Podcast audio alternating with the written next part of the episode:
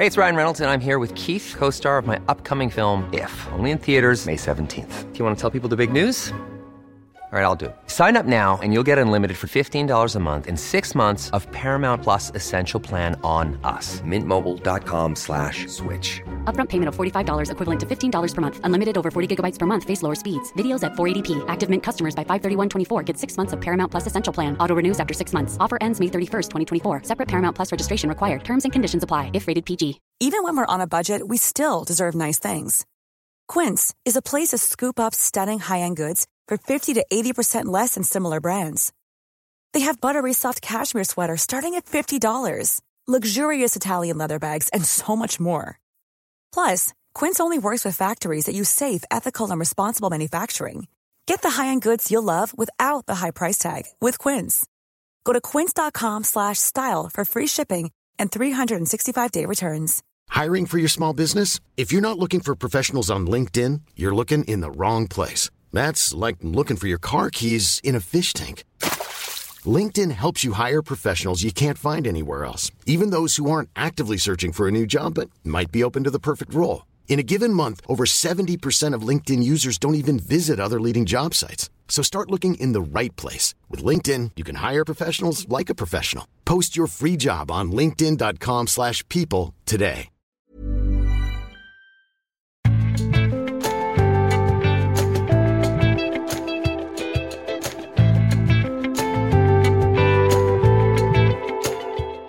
Hvorfor eh, forlater ikke flere konservative Den norske kirke? Det er spørsmålet vi stiller i denne ukens episode av Tore og Tarjei.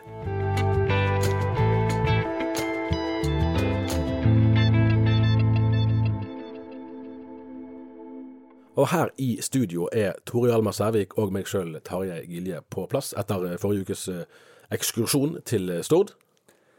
Det var veldig kjekt. Ja, det er godt med litt frisk luft. Det er fint. Eh, Og nå er vi kommet inn i en periode i ditt liv som du har opplevd før, men det er en stund siden. Nemlig at du skal sitte på skolebenken.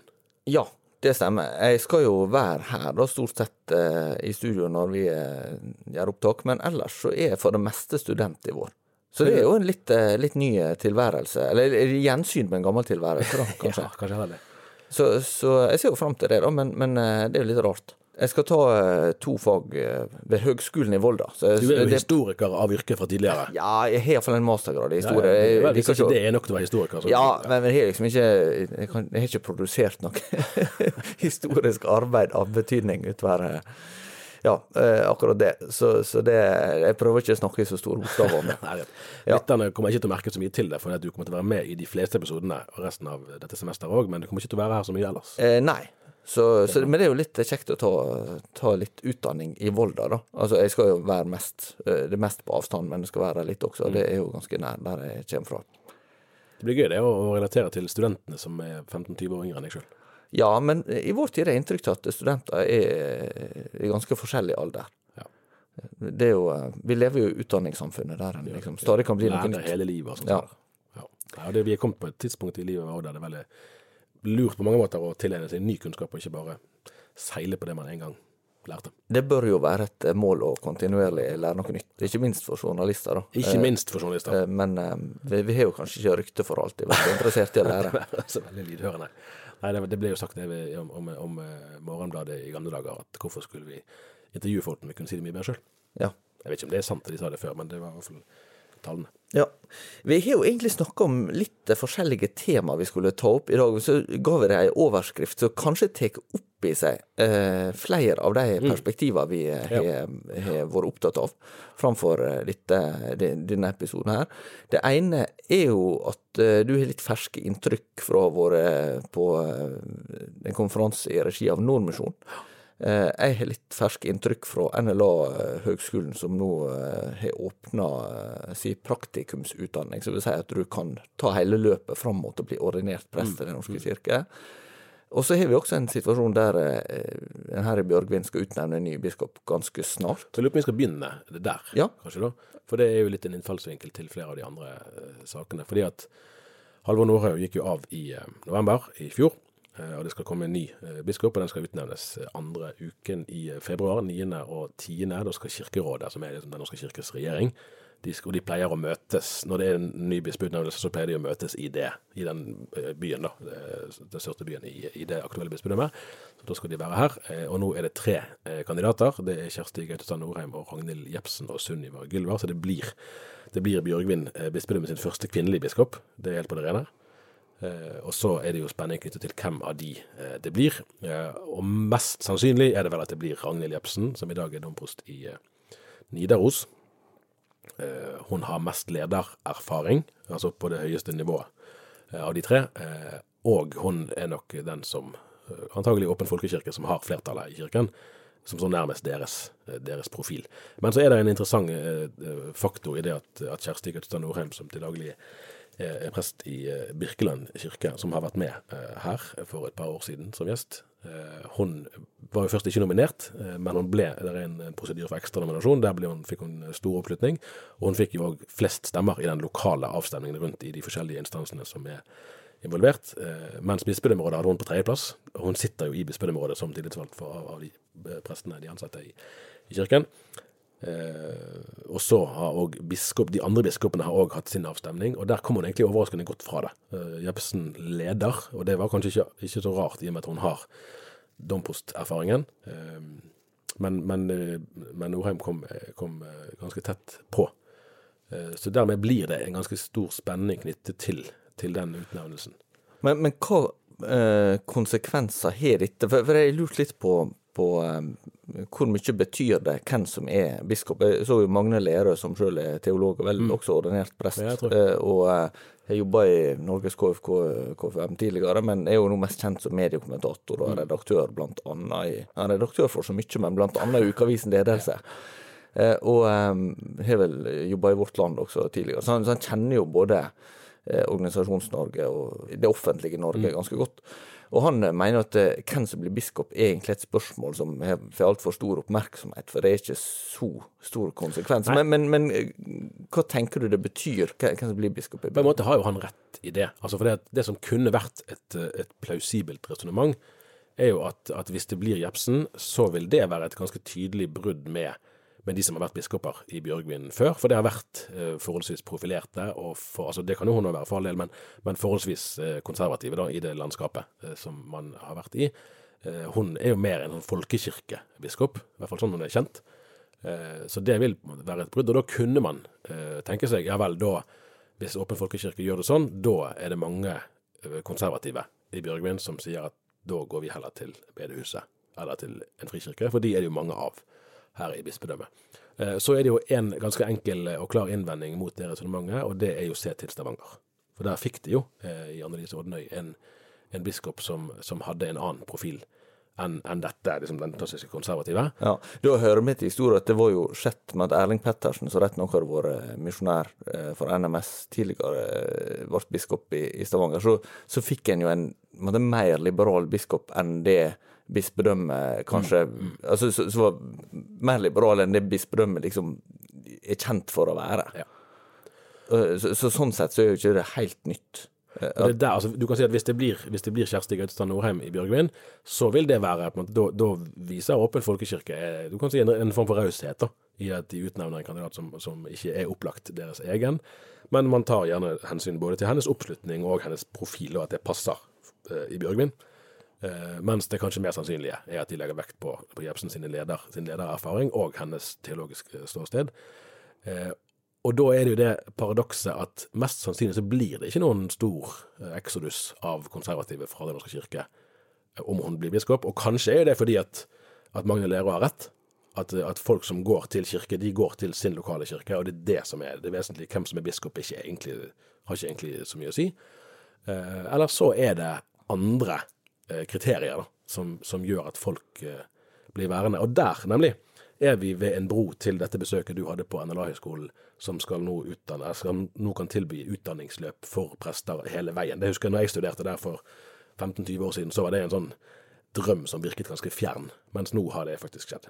Ja. Eh, jeg, bare lurer på før vi går ut, jeg skal kommentere én ting. da, At, at jeg, jeg, tror som en forutsetning her, så er det noe med at det, det er ganske stor forskjell på å opprettholde medlemskapet i Den norske kirke og det å gå fast til gudstjeneste i Den norske kirke. Det er klart, de fleste medlemmene gjør jo ikke det. det gjelder, og det gjelder medlemmer generelt, men jeg tror også en kan si at det gjelder eh, ganske mange av de som har tilhørighet til misjonsorganisasjonene. Der er det jo vel rimelig å si at ganske mange flere av de går mindre i kirka enn de gjorde tidligere. Altså at det har vært mer satsing på forsamlingsbygging. Men det som er kommet som alternativ som eh, kirkesamfunnstilknytning, framstår ikke egentlig som kirkesamfunn, men mer som register. Ja, Det er en gjenkjenning at, at Trossamfunnet til Indremisjonsforbundet har ca. 1000 medlemmer, og Trossamfunnet til Misjonssambandet har ca. 1300 medlemmer. Og dette er jo, altså Disse organisasjonene har jo mange tusen medlemmer. Så det er helt opplagt at det er en, det er en bitte liten minoritet av de som er aktive f.eks. i Misjonssambandet, som har tatt seg bryet med å melde seg inn i trossamfunnet. Ja, for, for, det framstår egentlig bare som en formell sak, tror jeg, for de fleste. Altså, Det er ikke i praksis et kirkesamfunn. Det, det, det, er et register. Så, så, så jeg tror den forutsetningen er viktig å ha på plass. Men når det er sagt, da, så skal vi til, eh, til NLA eh, nokså nylig. Da jeg var der og skrev om eh, en reportasje i forbindelse med åpninga. Jeg syntes det var litt interessant med han ene som jeg traff, for han eh, har nå begynt å jobbe som vikarprest. Eh, heter eh, David Skutlaberg. Og er har bakgrunn i egentlig litt forskjellig kirke, kirkelig miljø, men og bedehus og litt mer frikirkelig også, forsto jeg. Men eh, har studert tre år på Fjellhaug, så da er Misjonssambandet sin teologiske høgskole i Oslo, og bibelskole er det også der. Og så har han jobba i Salem misjonskirke, som da er Misjonssambandet sin forsamling her i Bergen. Men nå er han altså på vei til å bli prest i Den norske kirke.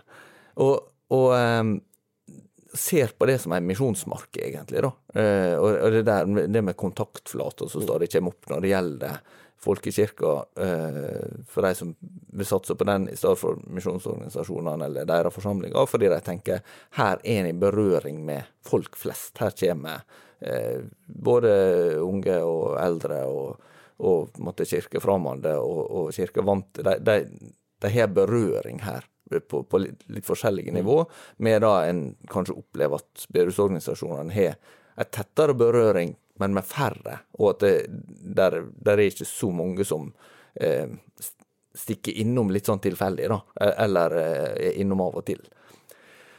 Og eh, det var litt sånn tankevekkende, fordi kanskje særlig for oss som har fulgt eh, disse debattene nå i ja, over 20 år journalistisk, og som lesere, avislesere enda lenger, så har jo dette med hva skjer nå med eh, forholdet mellom misjonsorganisasjoner og Den norske kirke? Når eh, blir dette her på en måte parkert? Når tenker en at eh, det, her er ikke det grunnlag for noe samarbeid lenger? Nå er det blitt så stor avstand. Og så slår det meg at det, er akkurat som om én generasjon kan tenke nå er dette avklart, vi gjør det sånn og sånn, men så går det noen år, og så kommer det nye mennesker til som også skal finne en vei i, sitt eh, engasjement og sin tilknytning og sånn, og som ikke nødvendigvis på en måte bare viderefører det generasjonene før har tenkt. Um, og, og kanskje det er det vi ser her, da. Altså, og nå er jo ikke Dette er jo anekdotisk, så det er ikke noe sånn forskning på det. Det er jo mye som tyder på, tror jeg, at de som er engasjert i misjonsorganisasjonene og deres forsamlinger, det er der de på en måte finner tilknytning. Jeg ser- ikke noen sånn straum av nye unge derfra inn i kirka, ut fra det vi hører og leser og, og på en måte observerer.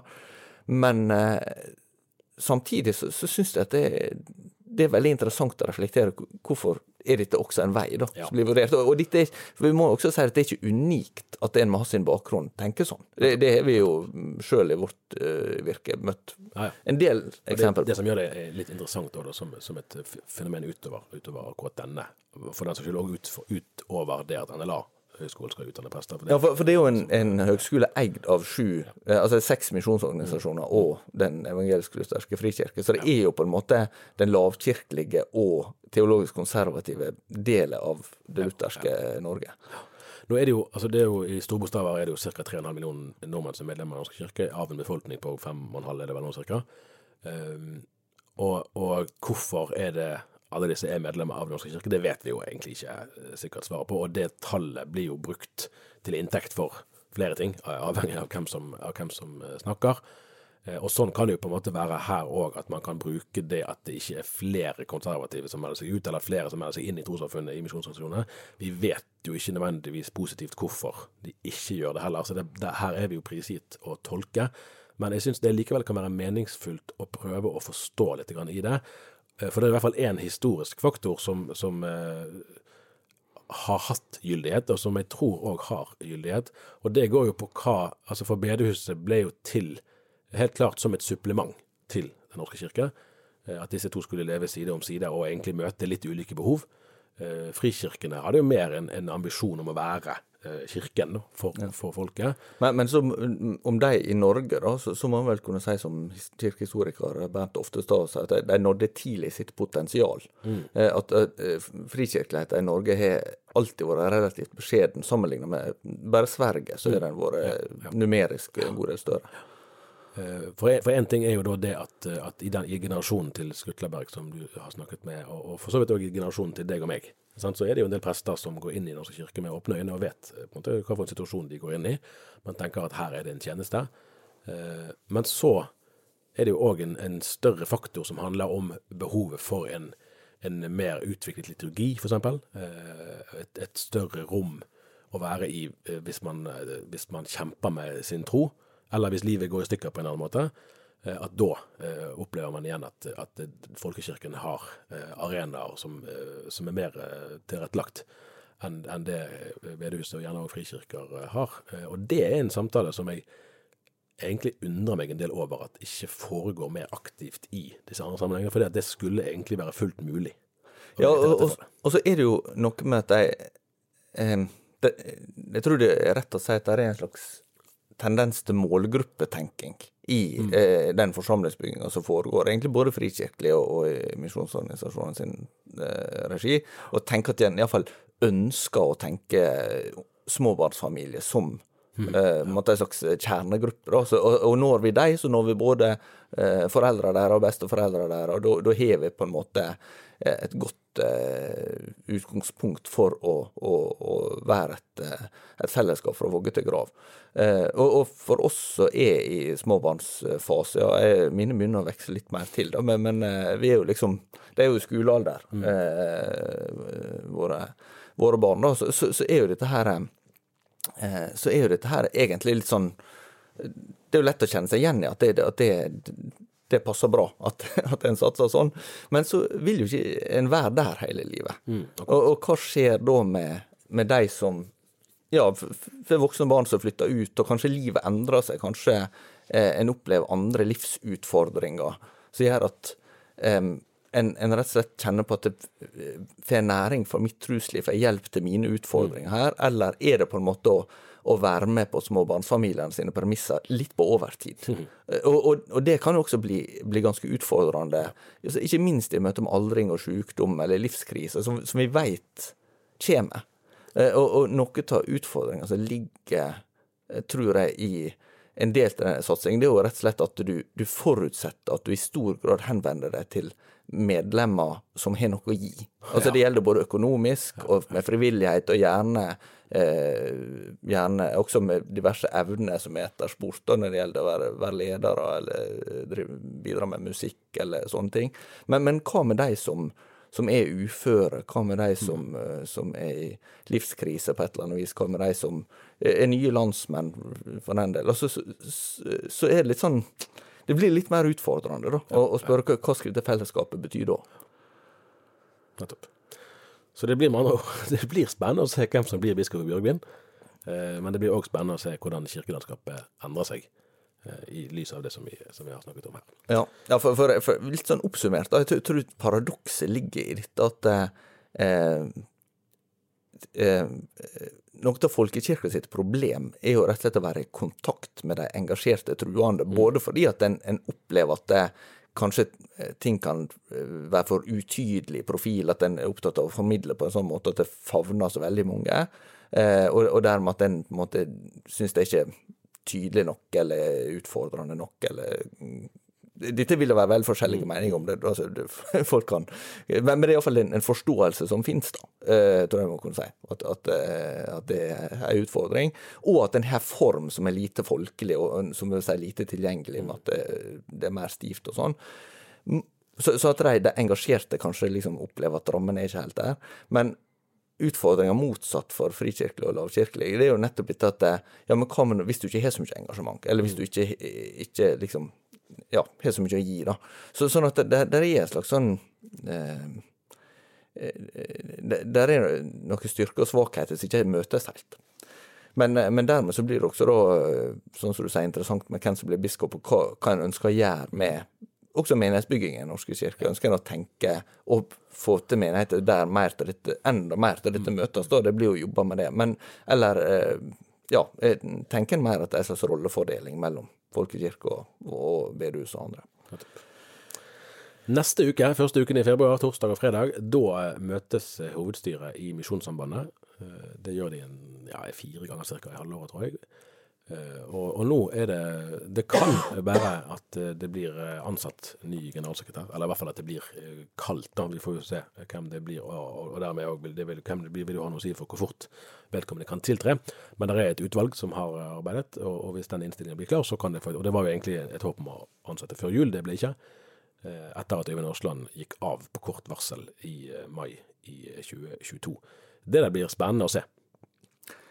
Ja, det har jo vært en spesiell tid for Misjonssambandet egentlig nå i to og et halvt år.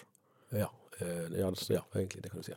Eh, Med ja, den, den uroa som begynte når det, det gjelder varslingssaker og håndtering av det. Og så eh, ble jo det midt oppi korona i tillegg, sånn sånn at du, du fikk liksom en sånn her eh, Så, så førte til utsettelse av generalforsamling. sånn Den var først nå i, nå i sommer. Så, så var, og, eh, og dermed så er det, det oppstår lett et slags vakuum.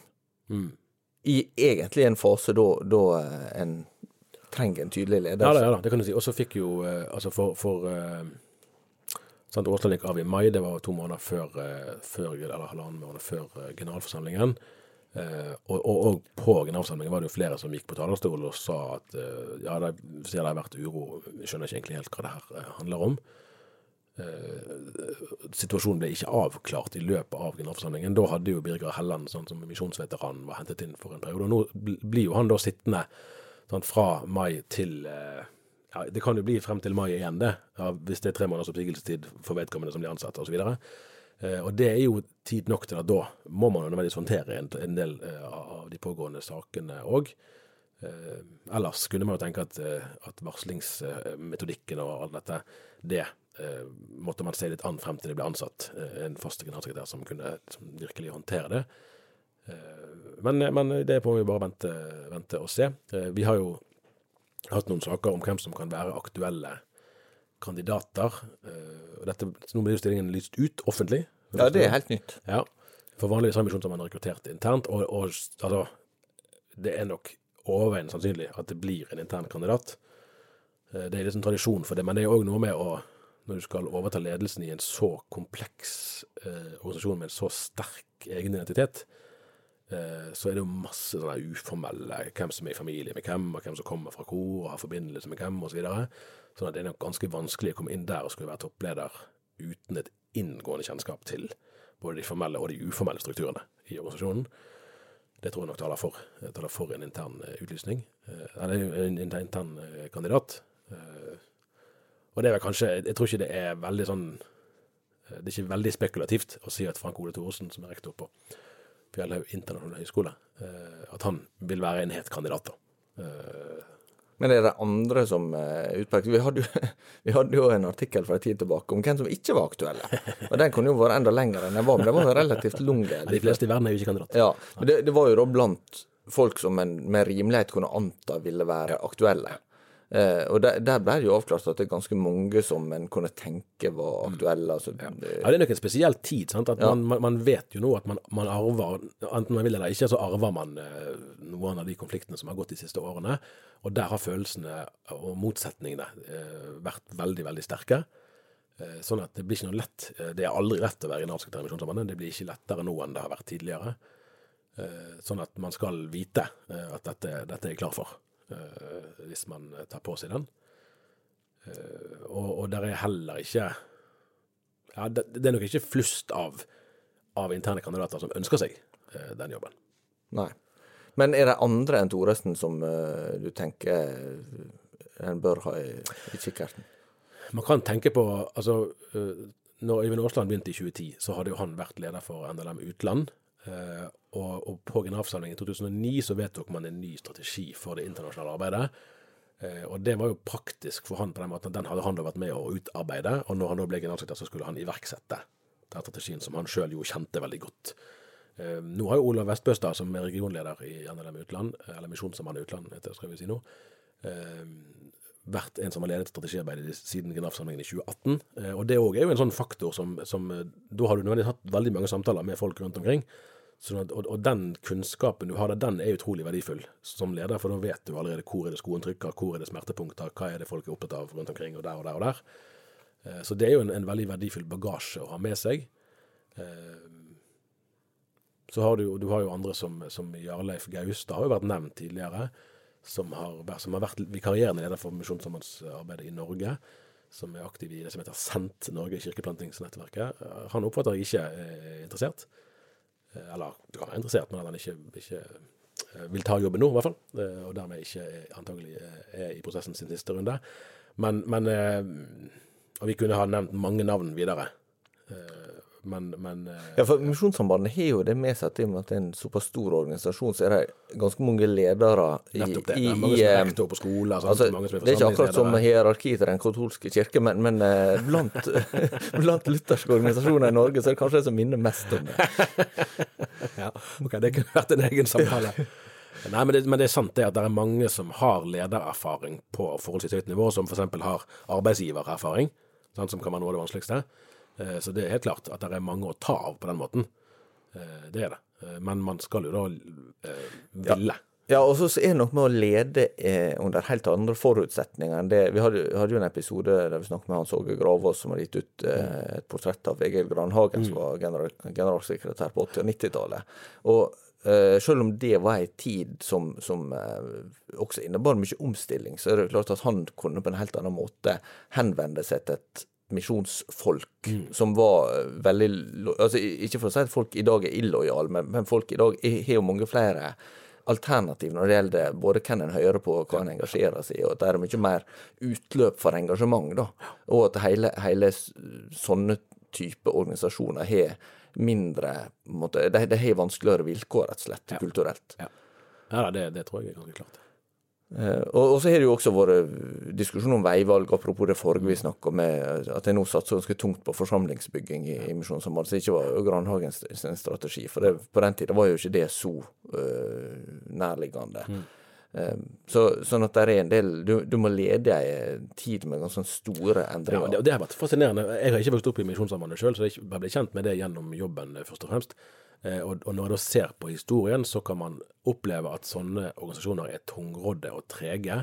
Og, og der og da kan det nok absolutt virke sånn, men når man ser historisk på det, så har egentlig Misjonssambandet vist seg utrolig omstillingsdyktig på mange måter. Eh, virkelig. Fra Kinamisjonsforbundet til, til det man ser i dag, eh, så er det faktisk ganske fundamentale endringer som har funnet sted. Men det, det tar litt tid.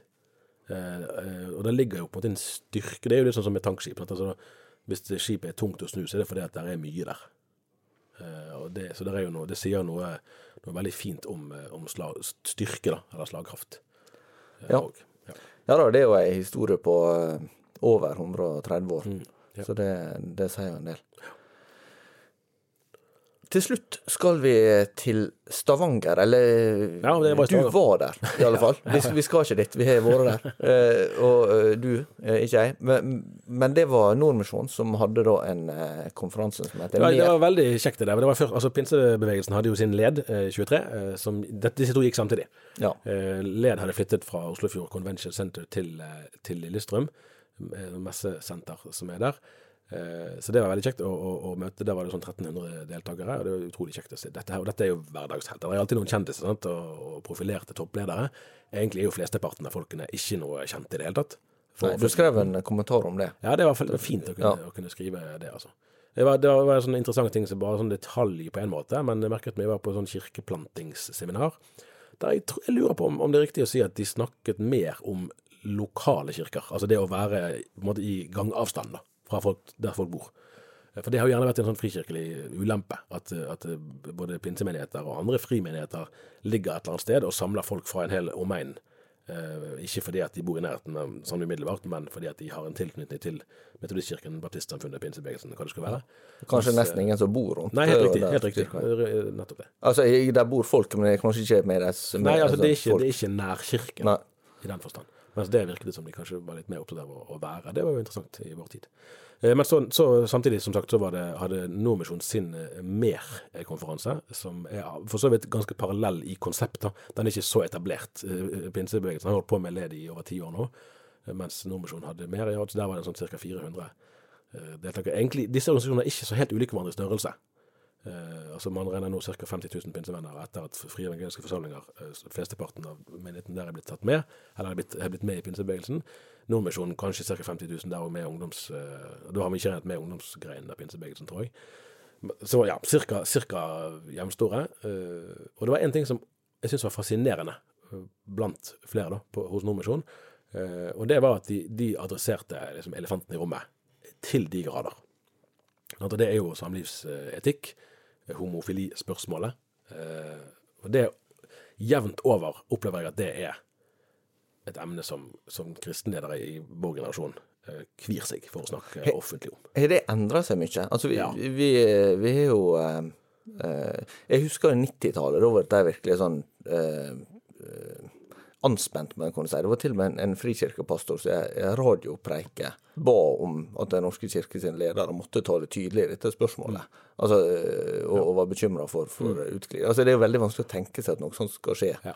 Eh, no, og, og, debatt, altså, det var TV-debatter, og det var avisinnlegg, og det var opprop, og det var, det var, veldig mye som skjedde, ikke minst rundt partnerskapslova, men også mm. da dette ble en prosess i Den norske kirke framover. Mm. Og så gikk det litt sånn skritt for skritt med, med at den åpna for ordinasjon av, av eh, mennesker i likekjønna forhold fra 2007, vel. Eh, og så eh, at den da innførte ny eller vedtok at den skulle få ny mm. ekteskapsliturgi i 2016, da den ble innført i 2017. Mm. Men, men, samtidig så er det akkurat som altså Nå svarer jeg på spørsmålet jeg sjøl stilte, men, men, men, hvordan opplever du at debattklimaet har endra seg parallelt? To observasjoner om det. Det ene er at egentlig så tror jeg det er dekning for å si at endringen i standpunkt er mindre enn man kan få inntrykk av. Uh, og Der kan man bli litt forledet av, at, av nettopp det som er den andre siden av saken, at, man, at, det er færre som orker å snakke offentlig om det, fordi man opplever at man blir møtt så hardt da, uh, hvis man hever stemmen uh, i dette så betente spørsmålet. Men egentlig, hvis man går rundt og, og undersøker, så, så står Eh, liksom synet på ekteskapet som en ordning for mann og kvinne, det står sterkt i nesten alle kristne sammenhenger. Det kom jo fram i en undersøkelse om Kristen-Norge som dagen gjennomførte i 2019. Ja, ja. Og, det, og det, det, bildet har ikke endret seg. Eh, jeg tror jeg våger å påstå at det er heller en tendens til at, at de minoritetene i de ulike sammenhengene som finnes, de blir eksponert eh, mer enn deres størrelse eh, gir måte, tyngde til. Ja, altså at Hvis de er liberale stemmer, så får de stor oppmerksomhet blir og blir gjort ja, mer ja, og, og, de snakker, ja. mens, mens, mange av de konservative kvir seg for å snakke. Og Det var det som var interessant, da, at, at uh, generalsekretær Kjetil Westel Haga han gjorde dette til, til, sak, altså til, til hovedsaken i sitt uh, foredrag fredag formiddag. Og han hadde med seg fire medarbeidere som var belyste litt sånn filosofihistorisk og litt kjedesorgerisk forskjellige, med forskjellige innfallsvinkler. og det var ingen som kunne være i tvil om hva som var Nordmisjonen sitt standpunkt. Eh, så det var, det var helt jeg, jeg, kan, jeg, kan, egentlig ikke huske sist gang jeg så en så profilert, altså en, en kristenleder i en så høyt profilert stilling, eh, adresserte dette på eget initiativ. Han ble ikke presset til det. Dette var det de valgte å snakke om, og som er så tydelig eh, i sin veiledning. Det, var, det, var, det gjorde inntrykk. Men, men, hva er det de sier, da? Altså, ja. For da var det to, to altså Hvis vi skal si det liksom enkelt, at dette, de sa sånn at, at teologisk altså bibelsk, er dette, er dette ganske klart. Eh, det å møte folkene som er berørt av det, det er veldig vanskelig. Eh, og det var noe veldig sånn beundringsverdig i å si det. At det, det spennet For det, det spennet lever nok alle som har dette ståstedet med. At, at eh, tekstene er ganske entydige. Og det har jo egentlig Det, det er i og for seg ganske utbredt enighet òg om hos de som har endret syn, at selve bibeltekstene eh, leses eh, intuitivt, eh, som at de ikke er åpne for likekjønnet eh, samliv, som regel. Eh, men her levde man i det spennet. Og så syns jeg det var modig av de å òg våge å si at for eksempel kan du ha ja, kan du ha en, en likekjønnet, en som er gift med en mann som er gift med en mann, kan, kan han være i lovsangstime, f.eks.? Kan han være møtevert, osv.? Eh, at der visste de ikke hva de skulle gjøre. Eh, og det var mye smerte i det, for det kan jo gjerne være folk som har vært med fra ungdommen av, og så da et eller annet sted underveis der, så blir de klar over, eller oppdager, eller hva som man skal bruke, eh, at de, at de er homofile. Eh, og hva skal du egentlig gjøre da? Eh, og der ville det typisk sånn konservativ, sånn bombastisk være å sette ned noen punkter, og så har vi reglene klare. Her våget de å si at, at vi har det, denne overbevisningen vi har, vi har det, ståsted vi har. Vi vet ikke helt hvordan vi skal håndtere dette. Dette er veldig vanskelig. Og da tror jeg man Da åpner man for å snakke mer ærlig, da. For man kan alltid liksom, ha en sånn konservatisme som bare liksom, i betong skriver 'her er, her er steintavlene'. Det er ikke noe mer å snakke om. Eh, og da får man med seg de som er enige, men da vil det òg være en del som bare OK, da, da er ikke det mer å, å Det er ikke rom her. Eh, men, men, men bekymringa vil jo være hvis en begynner å liksom uh, tenke at vi må, vi må være i dialog uansett at det er vanskelig, så er det liksom første steget på å liksom egentlig gi opp. Ja, men, men det kan du jo si helt grunnleggende òg om, om de som tviler på Gud. At idet du begynner å snakke om tvilen, så har du, har du liksom åpnet den døren. men den finnes jo det er jo et dårlig alternativ. Og den, altså, Bibelen er jo full av tekster om det. Eh, altså mennesker som kjemper eh, med sitt forhold til Gud. Så det, det er egentlig en, en, en, underlig forutsetning. da. At man skulle kunne stenge ute eh, de motforestillingene, eller undringene, eh, smerten, som, som, finnes der. Det er mye, mye mer bibeltro tilnærming eh, å, å, være, å, snakke åpent. Forankret og tydelig begrunnet, men likevel å snakke åpent om, om den realiteten vi står overfor. Den får henge der ja. for uh, denne veka, og så uh, er det antagelig noen andre som er med deg akkurat neste uke. Da, er jeg, da, er jeg, da skal du virkelig være student. Ja, skikkelig. Så, så, det er ikke måte på. Men, uh, men episode blir det. Det blir det. Takk for høres igjen. Ha det bra.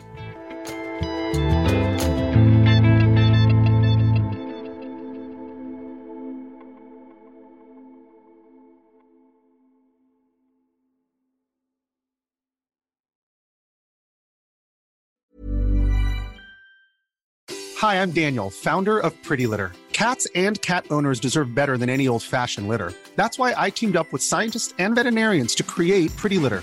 Its innovative crystal formula has superior odor control and weighs up to 80% less than clay litter. Pretty Litter even monitors health by changing colors to help detect early signs of potential illness. It's the world's smartest kitty litter. Go to prettylitter.com and use code ACAST for 20% off your first order and a free cat toy. Terms and conditions apply. See site for details. Hey, it's Paige DeSorbo from Giggly Squad. High quality fashion without the price tag? Say hello to Quince. I'm snagging high end essentials like cozy cashmere sweaters, sleek leather jackets, fine jewelry, and so much more. With Quince being 50 to 80% less than similar brands. And they partner with factories that prioritize safe, ethical, and responsible manufacturing. I love that. Luxury quality within reach. Go to quince.com slash style to get free shipping and 365 day returns on your next order. Quince.com slash style.